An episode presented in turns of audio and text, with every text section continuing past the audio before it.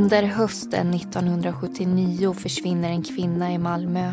Föräldrarna och polisen pratar med grannar och vänner men ingen vet vart hon har tagit vägen. Vid flera tillfällen besöker de också kvinnans lägenhet och nu börjar underliga saker att hända.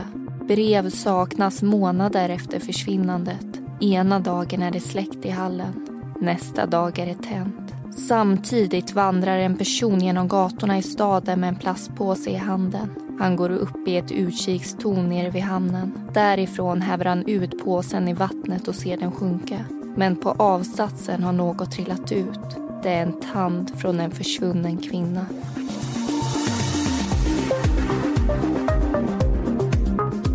Du lyssnar på Mordpodden och i säsong två tar vi upp mord som har skett i Skåne.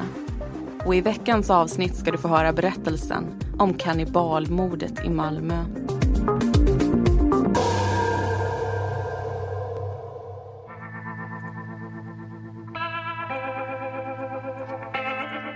Sommaren 1979 sitter 29-åriga Maria på ett café i Malmö och läser en bok.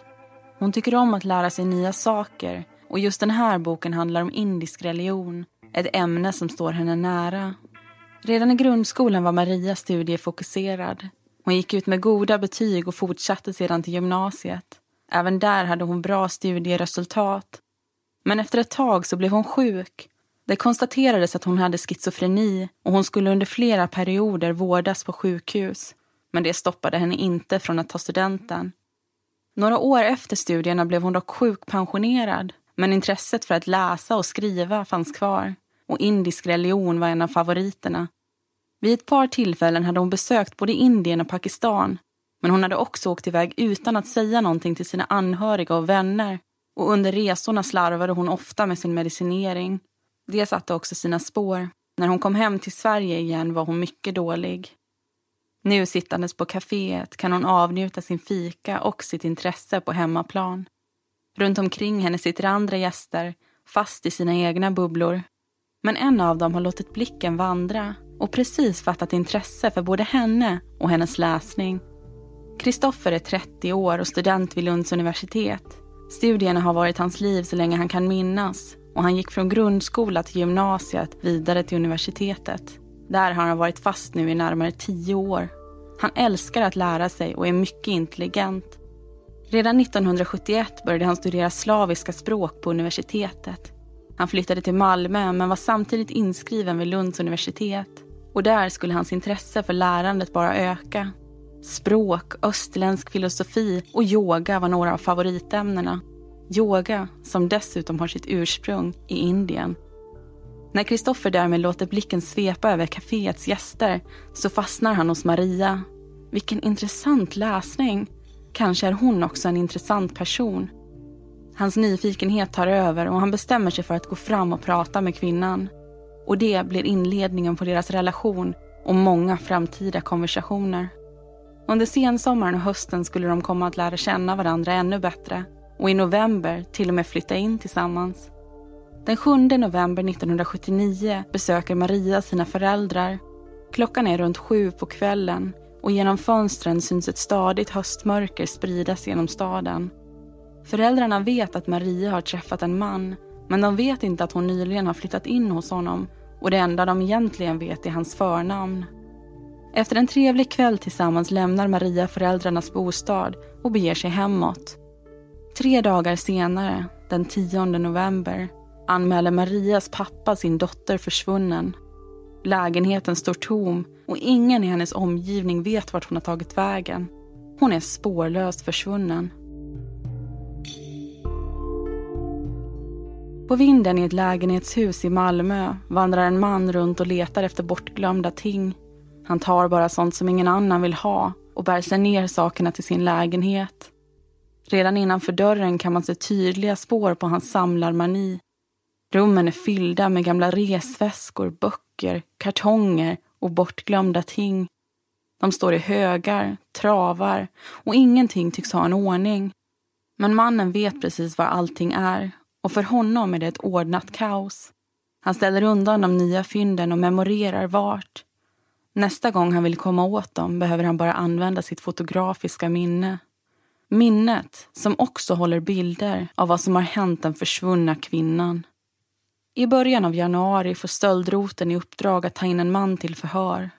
En man som samlar på saker och som nu ska ha stulit någonting från sin mamma. Böcker, en brevvåg och några stenåldersyxor. Polisen beger sig till bostaden och knackar på dörren. När ingen öppnar känner de på dörrhandtaget och inser att det är olåst. Samtidigt är säkerhetskedjan på insidan av dörren påhängd. Polisen talar om vilka de är och försöker få personen i lägenheten att komma ut och prata med dem. Efter mycket övertalning kommer en man fram till dörren och öppnar. Så småningom avslöjar han att han har tagit det som hans mamma säger och plockar också fram grejerna. Han avslöjar också att hans namn är Kristoffer.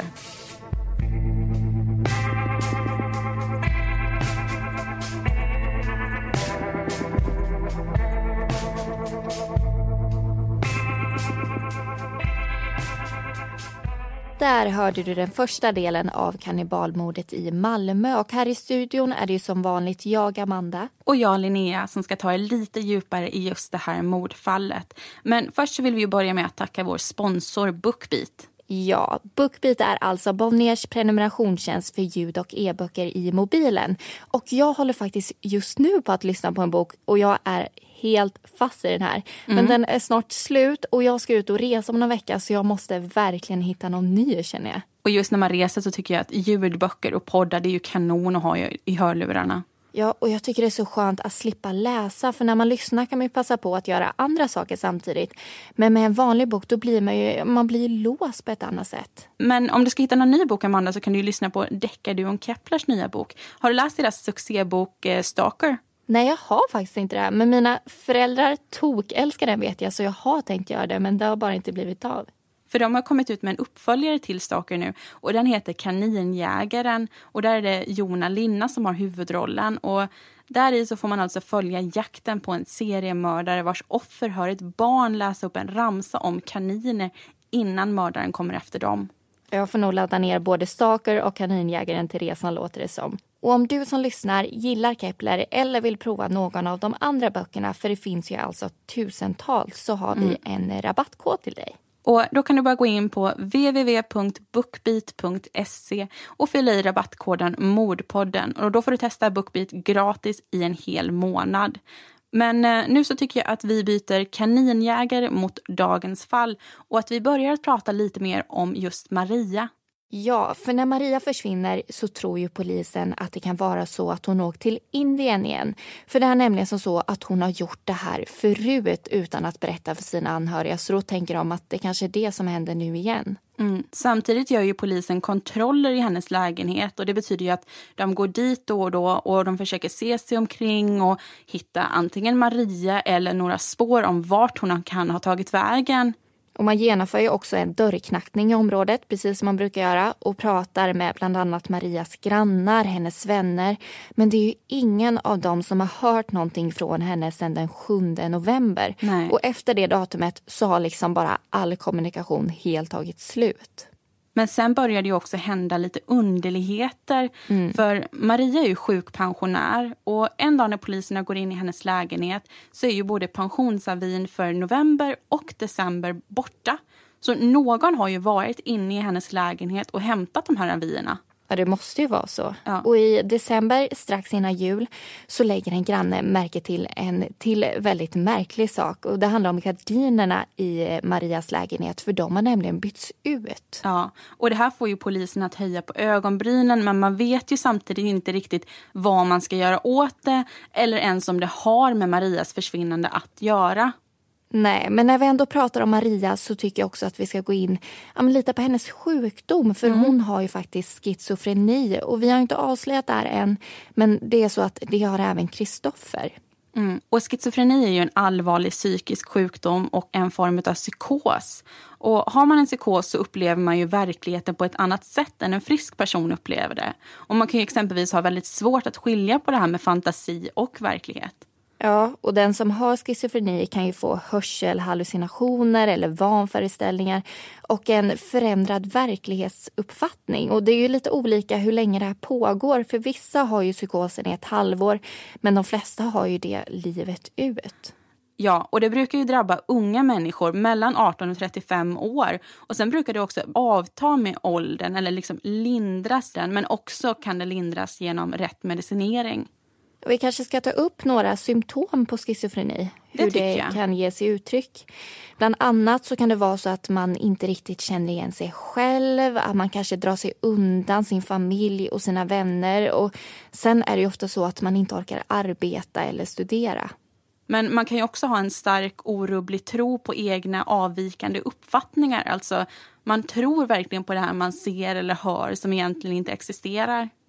Mm. Och man grubblar ju också väldigt mycket över livet. Och, mm. och det kanske man gör på ett deprimerat och ångestfyllt sätt. Och det kan man också göra under en längre tid. Och man kan också ha oförklarliga känsloutbrott eller otillräcklig nattsömn. Och det viktiga är ju att säga att det här är symptom på sjukdomen. Så om man har mm. sjukdomen så behöver man inte ha alla de här grejerna. Men det här Nej, är det, det sätt som den kan yttra sig på helt enkelt. Och nu när både ni och vi har lite mer insikt i den här sjukdomen som alltså både Maria och Kristoffer har så tänkte jag att vi bara ska reda ut en sista grej och det handlar ju om det här med rotlar inom polisen. Ja, för i nästa berättelse så kommer vi prata en del om de här rotlarna i polisen. Och ni har säkert hört talas om våldsroten eller stöldroten och kanske till och med tekniska roten och så vidare. Och det är ju helt enkelt avdelningar hos polisen som tar hand om en viss typ av brottslighet. Ja, för ibland så kan det vara lätt att tänka att polisen är liksom en enda stor grupp och att alla vet vad alla andra för sig, särskilt på mm. mindre orter. Men så är det alltså inte alltid. Nej, och håll gärna det här i minnet när ni lyssnar på just nästa del. För nu vet vi ju att Kristoffer, han är samma person som den här samlaren. Och han kommer ju snart att komma i kontakt med flera rotlar hos polisen.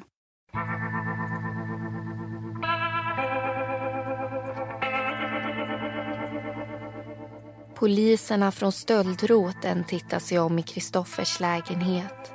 Det finns knappt några möbler där.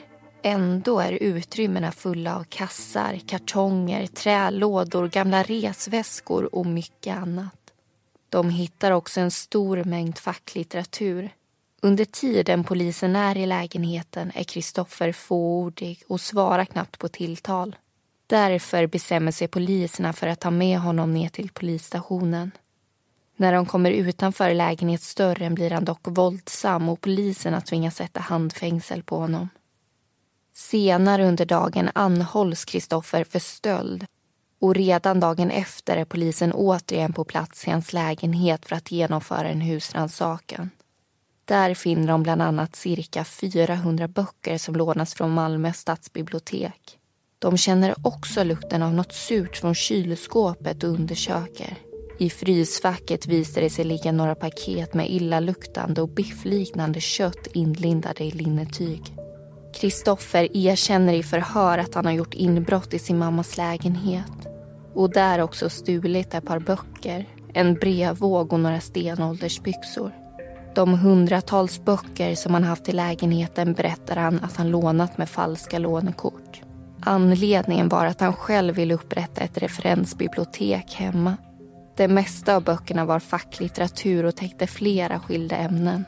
Förhöret avslutas och Kristoffer släpps den 10 januari 1980.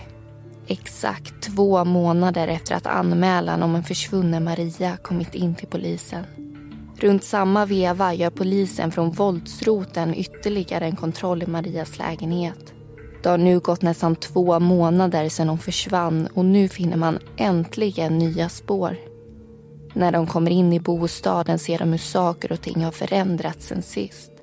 Alla Marias kläder och tillhörigheter är nu förpackade i svarta sopsäckar och lådorna i köket tömda. Allting ser förberett ut för en flytt. Den 15 januari är de återigen i Marias bostad. Men lägenheten är låst och går inte längre att öppna med den gamla nyckeln. Inte heller öppnar någon dörren vid påringningen. Poliserna tittar in genom brevinkastet men allt är mörkt. Dagen efter går de dit igen, ringer på dörrklockan och tittar in genom brevinkastet ännu en gång. Hallen lyses nu upp av en lampa. Polisen berättar vilka de är och att de söker efter Maria. Men ingen svarar och ingen öppnar. Då släcks plötsligt lampan i hallen. De förstår att någon är där inne och försöker övertala personen att öppna dörren. Gör personen inte det ska de hämta en låsmed. Så småningom hörs fotsteg närma sig dörren inifrån lägenheten. Personen öppnar och poliserna ser en man framför sig. Kristoffer. Med poliserna är också Marias pappa. Under tiden som poliserna försöker prata med Kristoffer går pappan en runda i lägenheten. Han säger att en tv och en kartong med böcker är borta. Kristoffer vägrar att säga vem han är eller vad han gör där och poliserna tar med honom till stationen. Kristoffer uppger där motvilligt sitt namn och säger att han känner Maria och att han är i lägenheten för att vattna hennes blommor. Men i lägenheten finns det inga blommor. Vid en visitering av Kristoffer så hittas också märkliga saker i hans fickor. Bland annat Marias ID-kort, försäkringsbesked och nyckelknippa. Till slut erkänner den 30-årige mannen att han under november och december besökt Marias lägenhet för att hämta ut hennes pensionsavier. Det hade också varit hans syfte med det här besöket. Men Marias föräldrar hade precis ordnat så att pensionen numera skulle sättas in på ett särskilt konto. Samtidigt som Kristoffer förhörs Head over to Hulu this March, where our new shows and movies will keep you streaming all month long. Catch the acclaimed movie All of Us Strangers, starring Paul Mescal and Andrew Scott. Stream the new Hulu original limited series We Were the Lucky Ones with Joey King and Logan Lerman. And don't forget about Grey's Anatomy. Every Grey's episode ever is now streaming on Hulu. So, what are you waiting for? Go stream something new on Hulu. På polisstationen så gör polisen också en ny husrannsakan i hans lägenhet. Där hittar man Marias tv och den kartong med böcker som saknades från hennes bostad. Men ingenting pekar på att Kristoffer gjort något annat än begått stöld och bedrägeri. Och när de ställer frågor om Maria så är hans svar mycket svävande. Men den 17 januari kontaktar stöldroten poliserna vid våldsroten de berättar om deras intryck av Kristoffer och om det märkliga köttet i hans kylskåp. Därmed får våldsroten ännu större anledning att misstänka Kristoffer. Den tekniska roten kopplas in och Kristoffers kylskåp öppnas ännu en gång. Men nu tas de inlindade paketen med kött ut och skickas till SKL samma kväll. Den 18 januari hålls nästa förhör med Kristoffer. Han är mycket skärpt och verkar konstant misstänksam mot alla. Han frågar om fler personer hörts angående Marias försvinnande. Han berättar att han och Maria träffades i juli föregående år och att hon i början av november flyttat in hos honom. Men hon hade bara tagit med sig ett par tillhörigheter. Bland annat en tv och en del böcker. Och hon tillbringade fortfarande inte alla nätter i hans lägenhet utan bodde delvis kvar i sin egen bostad. Anledningen till att han hade hennes nycklar var för att han skulle kunna hämta posten däribland hennes pensionsavier. När förhörsledaren frågar mannen varför Marias kläder var nerpackade i svarta sopsäckar så säger han att det var hon själv som packat undan dem. Vid en fråga om köttet i kylskåpet uppgav han att det var Maria som köpte någon gång i december. Kristoffer berättar också att Maria lämnat hans lägenhet tre eller fyra dagar innan han hämtades av polisen. Vart hon skulle vet han inte. Han ger också hela tiden skenet av att Maria fortfarande lever och inte alls varit försvunnen i månader. Under eftermiddagen kommer svaret från SKL som kunnat konstatera att proverna från köttet i frysfacket inte visar sig komma från några av våra vanligaste djur. Istället ger det utslag för att vara mänskligt kött.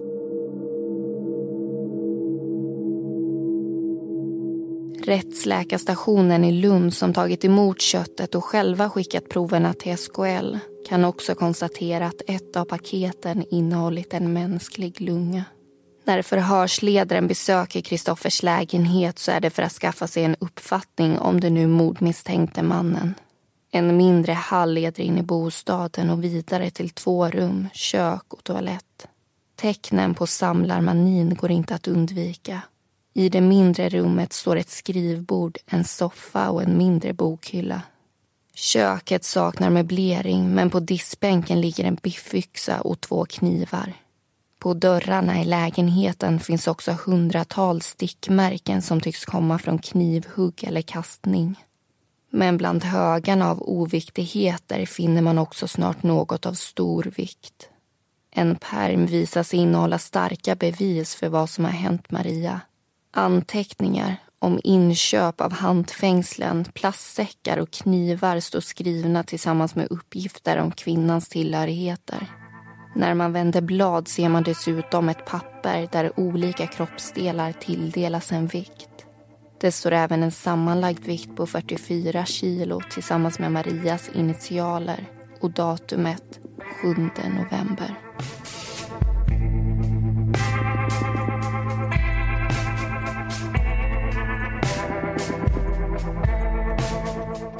Du lyssnar på Mordpodden. Och i säsong två då tar vi upp mord som har skett i Skåne.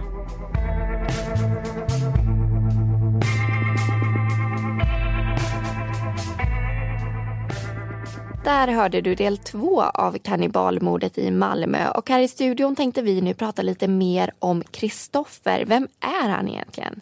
Mm. Det vi vet är att Kristoffer växte upp tillsammans med sina föräldrar och två syskon.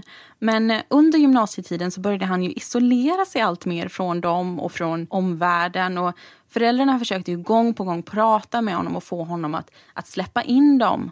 Men vid samtalen så kunde Kristoffer sitta helt tyst och han svarade inte ens på frågorna som ställdes. Mm. Och det gjorde ju såklart att den här isoleringen fortsatte och blev bara värre och värre.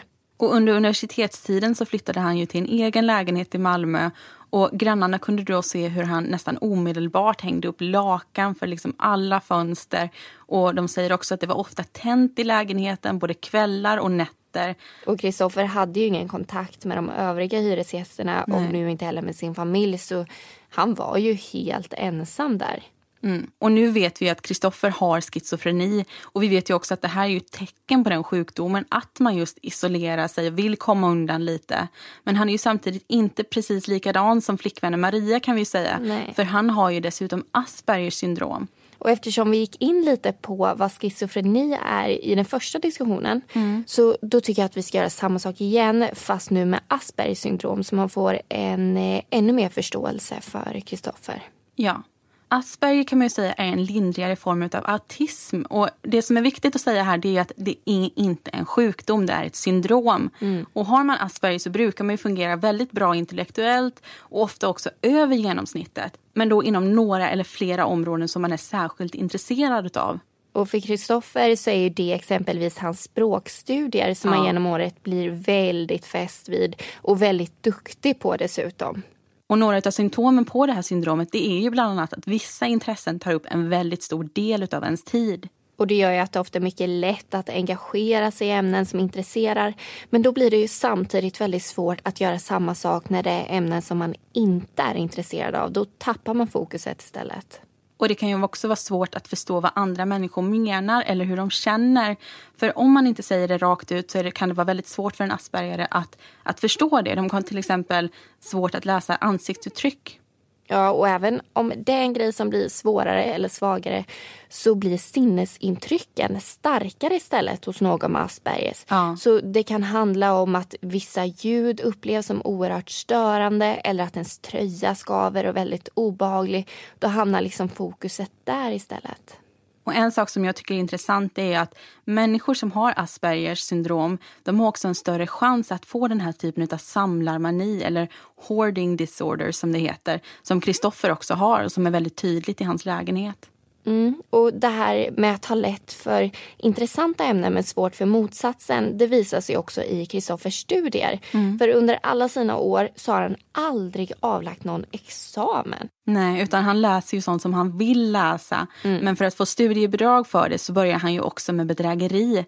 För varje termin så ansöker han ju om ett nytt studiemedel och då uppger han ju vilka kurser han har gått och vilka poäng han har fått. Och de här dokumenten bevittnas ju sen av två personer. Men det visar ju sig senare att det är fingerade namn och det är Kristoffer själv som har skrivit under för att han ska kunna fortsätta att studera där. Och nu när vi har lite mer kött på benen vad gäller Kristoffer och vem han är och vad han har för bakgrund så tycker jag att vi går tillbaka till berättelsen och låter honom berätta vad som egentligen hände med Maria.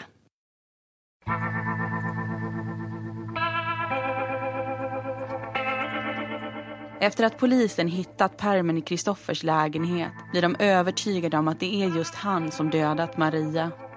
Under söndagen hålls därför ett nytt förhör med honom och han delges nu misstanke för mord. Han sitter länge tyst men är samtidigt märkbart illa berörd. När han öppnar munnen så är det för att ytterligare en gång säga att Maria lever. Polisen berättar då om bevisen de funnit i hans bostad och de visar honom permen. Tillsammans sitter Kristoffer och de två poliserna tysta en lång stund. Så börjar förhörsledarna ställa frågor som också sakta besvaras. Kristoffer var inte säker på datumet men det kunde vara den 7 november som Maria kom och besökte honom. Hon knackar då eller ringer på dörren till lägenheten och han öppnar. Tillsammans dricker de vin och umgås den kvällen. Efteråt går Kristoffer in i det lilla rummet och sätter sig ner vid skrivbordet för att arbeta. Men så kommer Maria in i rummet, iklädd endast ett nattlinne. Hon går fram till Kristoffer, som inte vill bli störd, och börjar kela med honom. Han förstår att hon vill att han ska följa med henne in i sovrummet men han är inte redo att ge upp arbetet för kvällen. För att hon ska låta honom vara i fred går han därför och hämtar ett par handfängslen som han fäster runt hennes handleder. Maria ser det hela som ett skämt och fortsätter att pocka på pojkvännens uppmärksamhet. Kristoffer går då in i badrummet och tappar upp vatten i badkaret. Maria följer nyfiket efter honom men säger ingenting. Då han ännu en gång sätter sig ner vid skrivbordet börjar hon prata med honom. Han anser att hon är en distraktion och går ännu en gång in i badrummet med henne i släptåg. Maria verkar upprymd av vinet och plötsligt slås Kristoffer av en tanke som skulle kunna få henne att sluta störa honom. Han tar därmed ett grepp om Maria och kastar ner henne i det fyllda badkaret. Han fortsätter att hålla henne under vattenytan till dess att hon inte längre gör något motstånd.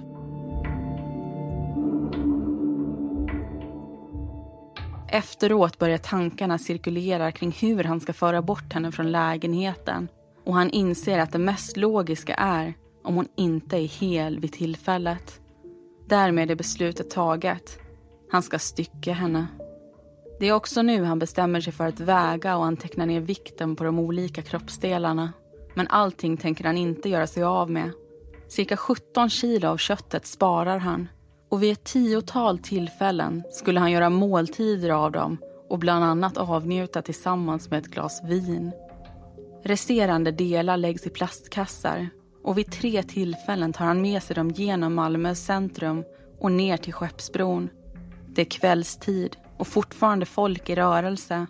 Han går ner i hamnen och vidare upp i ett utkikstorn Därifrån kastar han i plastkassarna med Marias kvarlevor ner i vattnet. För att ytterligare dölja vad han har gjort byter han lås i Marias lägenhet och börjar röja undan alla hennes saker. Gardinerna som byts innan jul är även det hans verk då han ville hindra insynen i lägenheten. Men hans noggrannhet skulle senare visa sig också bli hans fall då anteckningarna i den svarta permen skulle hamna i bevishögen. När Kristoffers utläggning av mordet är klar så är det kväll. Alla är nu ordentligt trötta och förhöret avslutas med polisens förhoppning om att det hela nu ska gå att bevisa. På måndagsmorgonen tar polisen kontakt med två dykare från brandkåren. Trots det riktigt dåliga dykvädret, som kantas av snöslask och issörja, beger sig dykarna ner under vattenytan för att leta efter det som Kristoffer sa sig ha slängt där. Poliserna följer arbetet med stor spänning. Skulle de verkligen hitta någonting? Redan samma dag får de svaret då dykarna finner ett överarmsben. På avsatsen till det utkikstorn som Kristoffer sagt sig slänga plastkassarna ifrån hittas också en utdragen tand. Under flera dagar fortsätter dykarna arbetet. De kan dock endast vistas i vattnet en kort stund innan det bildas is på utrustningen. Men det ger också resultat och allt fler skelettdelar återfinns under deras undervattensturer. Trots Kristoffers erkännande och de nya fynden så har polis och åklagare fortfarande flera frågor som behöver svar. Därför inleds under tisdagen ett nytt förhör med den 30-åriga mannen. Men mitt under förhöret så undrar Kristoffer plötsligt varför de pratar om det här med honom. Åklagarens svar blir att Kristoffer ju har mördat en människa och att de nu vill veta någonting om motivet. Har jag? Det har jag aldrig sagt, blir Kristoffers gensvar. Åklagaren refererar då till det förhör som hålls med honom under söndagen. Han tar även fram förhörsprotokollet och visar honom. Kristoffer i sin tur säger med detta gör vi så här och river sönder protokollet i små bitar. Sen tillägger han nu glömmer vi detta. Och efter det är Kristoffer inte längre villig att prata om någonting som rör Marias död. Samtidigt påbörjas den rättsmedicinska undersökningen av de skelettdelar som hittats i Malmös hamn.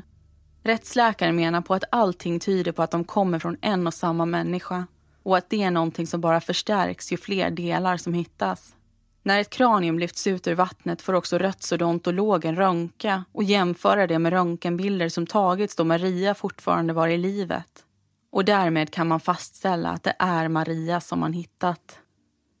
Även brottsplatsundersökningen leder till nya bevis. I Kristoffers lägenhet hittas nämligen blod i badrummet. Man beslagtar handfängslen, några tänger och knivar. Och på dem finner man också spår av blod från en människa. Och i en plastpåse i en garderob hittas också en stor mängd hår. Hår som visar sig vara Marias. Redan vid häktningsförhandlingarna beslutas det om att en rättspsykiatrisk undersökning ska göras på Kristoffer. Under rättegången tycker läkarna dessutom att det vore bäst om Kristoffer inte alls medverkade. Det skulle troligen inte hjälpa menade man och dessutom kunde hans psykiska hälsa förvärras. Men åklagaren menade att Kristoffer skulle ges en chans att berätta, vilket han också fick. Men det enda svar som åklagaren möttes av var en total tystnad. Huvudförhandlingarna genomfördes därefter utan Kristoffers närvaro. Genom den rättspsykiatriska undersökningen kommer man fram till att Kristoffer varit i kontakt med psykiatrin redan som barn och att han har diagnosen schizofreni i kombination med Aspergers syndrom. Han är mycket intelligent men anses också farlig då hans minnesförmåga och långsinthet kan innebära livsfara för människor många år efter det att de behandlat honom orättvist.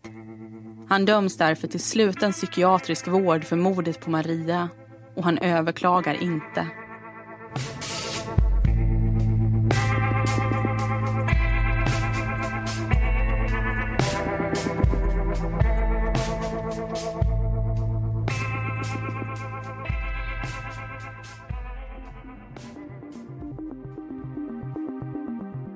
Och det var allting som vi hade att berätta om kannibalmordet i Malmö. Alla i berättelsen heter egentligen någonting annat och all information är hämtad ifrån domar, förundersökningsprotokoll, böcker och artiklar. Glöm inte att gå in och gilla Mordpodden på Facebook och Instagram som vi nu också skaffat och kika gärna in på vår hemsida mordpodden.com.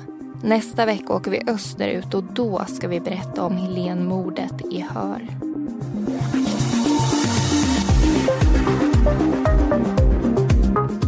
Har lyssnat på Mordpodden och vi som har gjort den heter Linnea Bolin och Amanda Karlsson. Och bakgrundsmusiken det var Lasting Hope och Lightless Dawn av Kevin MacLeod samt Deep Space av Audionautics.